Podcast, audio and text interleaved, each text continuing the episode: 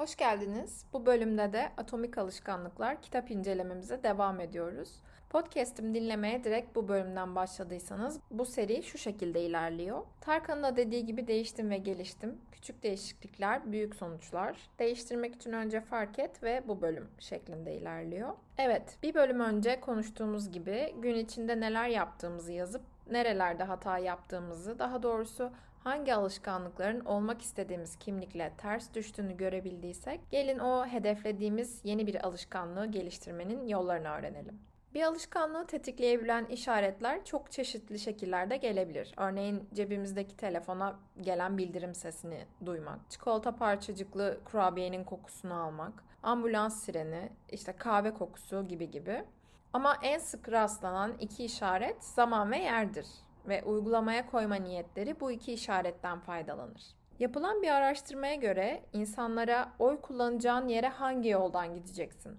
Saat kaçta gitmeyi planlıyorsun? Hangi otobüsle gideceksin? gibi sorular sorularak uygulamaya koyma niyetleri yaratmaya mecbur edildiklerinde oy kullananların sayısının arttığı tespit edilmiş. Diğer başarılı hükümet programlarında ise vatandaşları vergilerini zamanında ödemeleri için net bir plan yapmaya sevk etmiş ya da geciken trafik cezalarını ne zaman ve nerede ödeyecekleriyle ilgili yönlendirmeler sağlanmıştır. Burada asıl vurucu olan kısım çok nettir. Yeni bir alışkanlığı ne zaman ve nerede gerçekleştirebilecekleri konusunda detaylı plan yapan insanların o işi tamamlamaları çok daha olasıdır. Pek çoğumuz alışkanlıkları bu temel detayları çözmeden değiştirmeye çalışıyoruz. Kendi kendimize daha sağlıklı besleneceğim ya da daha fazla yazacağım diyoruz ama bu alışkanlıkların ne zaman ve nerede olacağını asla söylemiyoruz. O şey yapmayı hatırlamayı ya da doğru anın gelmesini, motive olmayı şansa ve umuda bırakıyoruz aslında. Ben bunu gün içinde çok fazla yaşıyordum. Yani yapmayı istediğim pek çok şey vardı ve bir boş zaman ya da kendime ait bir aralık bulduğumda ben şimdi hangisini yapacağım diye düşünüp büyük olasılıkla hiçbirini yapmıyordum. İşte şunu mu okusam, ama şu da yarım kalmıştı. İşte yeni bölüm de yazmam lazım. E, İngilizce de çalışacaktım falan derken o plansızlığın ortasında durup her şeyi bırakıp dizi izlemeyi tercih ediyordum. Bunu çok yapanlarımız var biliyorum. Ama aslında uygulamaya koyma niyeti yani daha fazla egzersiz yapmak istiyorum gibi bulanık kavramları alıp götür ve somut bir eylem planına dönüştür. Pek çok insan motivasyon konusunda sıkıntı çektiğini sanır. Oysa aslında netlik sıkıntısı çekmektedir diyor yazarda. Yani ne zaman ve nerede eyleme geçeceğiniz her zaman bariz değildir. Bazı insanlar bütün hayatlarını bir iyileştirme yapmak için doğru zamanın gelmesini bekleyerek geçirir. Bir uygulamaya koyma niyeti belirlediğinizde artık ilham gelmesini beklemeniz gerekmez. Bugün bir bölüm yazacak mıyım yoksa yazmayacak mıyım? Bu sabah meditasyon yapacak mıyım? Hangi saatte, nerede gibi sorulardan kurtulur. Eylem anı geldiğinde karar almanıza gerek kalmadan önceden belirlenmiş planı uygularsınız. Bu stratejiyi alışkanlıklarınıza uygulamanın basit yolu şu cümleyi doldurmaktır. Şu davranışı şu zamanda şurada gerçekleştireceğim. Örneğin meditasyon. Sabah saat 7'de mutfağımda bir dakikalık meditasyon yapacağım ders çalışma. Saat 18'de odamda 20 dakika boyunca İngilizce çalışacağım. Alışkanlığınıza ne zaman başlayacağınızdan emin değilseniz haftanın, ayın ya da yılın ilk günü deneyin diyor. Ee, içinde bulunduğumuz bu süreç bence bunun için eşsiz bir fırsat. Ocak ayındayız, yepyeni bir yıla girdik. İkinci haftasını tamamlamak üzereyiz. Yani hafta sonu o geniş zaman bence bir şeylere başlamak için çok uygun ama pazartesi bile başlanabilir bence. Bugün perşembe. Hafta sonu böyle planımızı güzelce hazırlayıp pazartesi direkt başlayabiliriz diye düşünüyorum. Umut bu zamanlarda yani ayın, yılın, haftanın o ilk günlerinde daha yüksek olduğu için insanlar o günlerde eyleme geçmeye daha yatkındırlar diyor yazar. Umudumuz varsa eyleme geçmek için nedenimiz de vardır. Taze bir başlangıç motive edicidir. Ve önemli bir bilgi veriyor. Yapacağınız bir sonraki şeye, genellikle yapmayı henüz bitirdiğiniz şeye dayanarak karar verirsiniz. Yani en basitinden tuvalete gitmek ellerinizi yıkamaya ve kurulamaya yol açar diyor.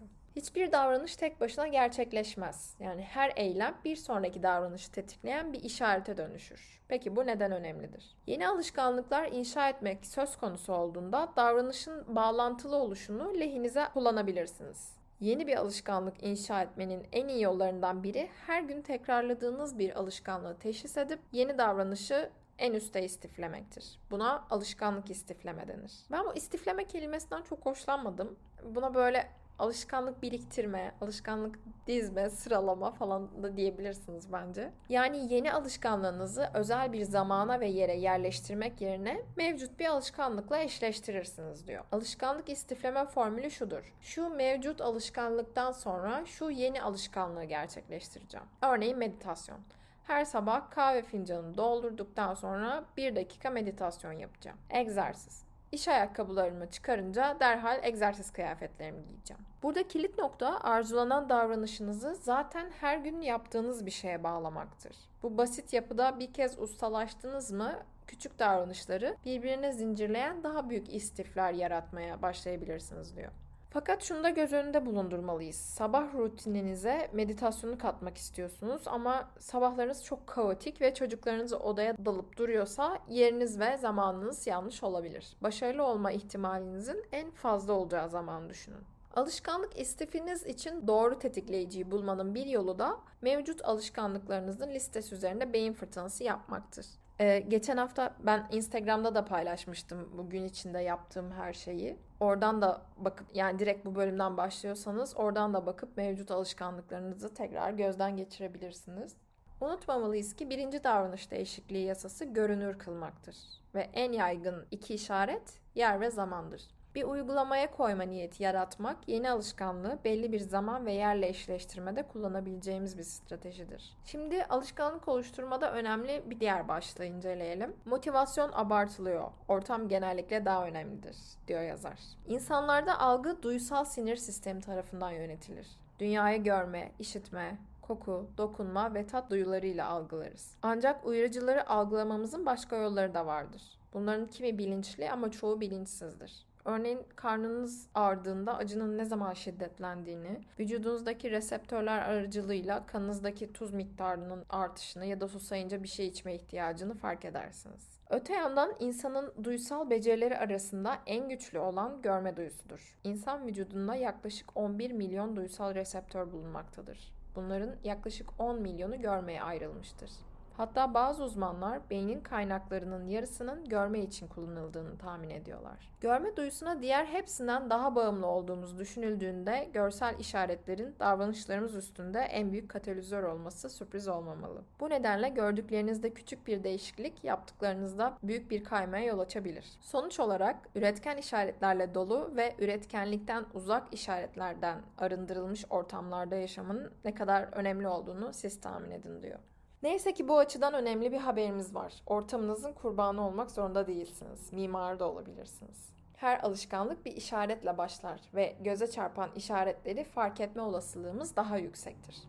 Daha fazla su içmek için bulunduğunuz yerin belli yerlerine birkaç şişe su bırakmak, gece almanız gereken ilacı yatak odanızda görünür bir yere koymak, Uyumadan önce kitap okumak istiyorsanız başucunuzda kitap bulundurmak bence işe yarayabilir. Bir alışkanlığı hayatınızın büyük bir parçasına dönüştürmek istiyorsanız işareti ortamınızın büyük bir parçasına dönüştürün. İyi davranışların işaretleri gözünüzün önünde olduğundan daha iyi kararlar almak daha kolay ve doğal olacaktır. Burada mesela iyi davranışlar diyor ya şey de ekleyelim.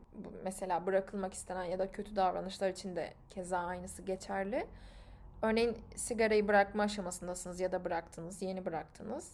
Sağda soldaki o sürekli duran küllük, çakmak ya da işte bilmiyorum tütün kullanıyorsanız onun alet edevatı bunlar da kötü bir davranışın işaretleri dolayısıyla tetikleyicileri olabilirler. Onları da ortamdan kaldırmak faydamız olacaktır. Ortam tasarımı sadece dünya ile ilişki kurma şeklimizi etkilediği için değil, bunu nadiren yaptığımız için de çok güçlüdür. Çoğu insan başkalarının onlar için yarattığı dünyalarda yaşar. Ancak yaşadığınız ve çalıştığınız yerleri olumlu işaretlere açıklığınızı arttırarak ve olumsuz işaretleri açıklığınızı azaltarak değiştirebilirsiniz. Ortam tasarımı kontrol geri almanıza ve kendi hayatınızın mimarı olmanıza olanak sağlar. Şu cümle çok hoşuma gitti. Kendi dünyanızın sadece tüketicisi değil, tasarımcısı da olun. Daha sonraki bir başlıkta ise kendini kontrol etmenin sırrından bahsediyor. Kötü alışkanlıkları kaynağından kesmek daha güvenilir bir yaklaşım olacaktır. Bir kötü alışkanlığı ortadan kaldırmanın en pratik yollarından biri ona neden olan işarete maruz kalma oranınızı azaltmaktır. Herhangi bir işi bitiremiyor gibiyseniz telefonunuzu birkaç saatliğine başka bir odaya bırakın. Mesela benim telefonum şu an rahatsız etme modunda ve şarjda. Sürekli yetersizlik hissi duyuyorsanız kıskançlık ve gıptayı tetikleyen sosyal medya hesaplarını takip etmeyi bırakın. Bu da çok güzel bir öneri bence. Televizyon karşısında çok fazla zaman geçir, geçiriyorsanız televizyonunuzu yatak odanızdan çıkarın. Burada şunu eklemek istiyorum. Bir şeyi belli bir yerde yapmak çok önemli bence. Daha önceki öğrencilik yıllarımda bunu işte öğretmenlerimiz de çok söylerdi. Ders çalıştığınız masada yemek yemeyin, bir şey izlemeyin. Yani bir şey bir yerde yapmak hem orayı o işle ilişkilendiriyor. Mesela yemeğinizi yemek masasında yemek. Ders çalıştığınız ortamda da sadece ders çalışmak. Ee, benim bir çalışma odam var ve evde mesela kıyamet kopsa bile çok dağınık, işte her şey çok karışık olsa bile o oda her zaman temiz ve muntazamdır. Neden bilmiyorum. Hem orayı çok seviyorum hem böyle oradaki her parça benim için çok kıymetli. İşte kitaplığım önceki evimden gelme. Her bir şeyin çok anlamı var. Belki o yüzden bilmiyorum. O odaya çok saygı duyuyorum ve çok seviyorum. Orada vakit geçirmeyi de çok seviyorum. Ama orada hiçbir zaman film ya da dizi izlemedim. Ya da yemek yemedim. O odaya her girdiğimde işte ya kitap okurum ya bir şey yazarım ya ders çalışırım ya bir eğitime katılırım online olarak. O yüzden bir şeyi e, tek bir yerde yapmak ve o şeyi yaptığınız yerde başka bir şey yapmamak, işte çalıştığınız masada yemek yememek ya da video izlememek bence önemli. Bir diğer önerim çok fazla internet alışverişi yapıyorsanız mail aboneliklerinden çıkın ve uygulamaları silin. Yani bundan bu, bu hafta işte ya da bundan bir hafta önce bir tekstil zinciri var hepimizin bildiği ve biri bitiyor biri başlıyor. Yani bunlar 4-5 farklı markaydı yanlış hatırlamıyorsam. Birinin indirim bitiyor birinin başlıyor. Saat 8'de başlıyor bilmem ne maili sepetine hazırla maili mesajdan bildirim yağıyor, mailden bildirim yağıyor. Uygulamadan ayrıca bildirim yağıyor. E, mail aboneliklerinden çıktım. Hatta uygulamaları da sildim yine o süreçte. Yani birinci davranış değişikliğinin tersine kötü alışkanlıklar için görünür kıl, kılmak yerine görünmez kılabilirsiniz diyor yazarda. Yüksek öz kontrol sahibi insanlar baştan çıkarıcı durumlarda daha az zaman geçirme eğilimindedir. Ve baştan çıkarıcı unsurlardan kaçınmak onlara karşı koymaktan çok daha kolaydır diyor. Bu bölümde tamamladıysak bir sonraki bölümde davranış değişikliğinin ikinci yasası olan cazip kılmak yasasından bahsedeceğiz. Beni dinlediğiniz için çok teşekkür ederim. Yürümeye korktuğunuz yollarda yalnız olmadığınızı hissettirebilmek dileğiyle.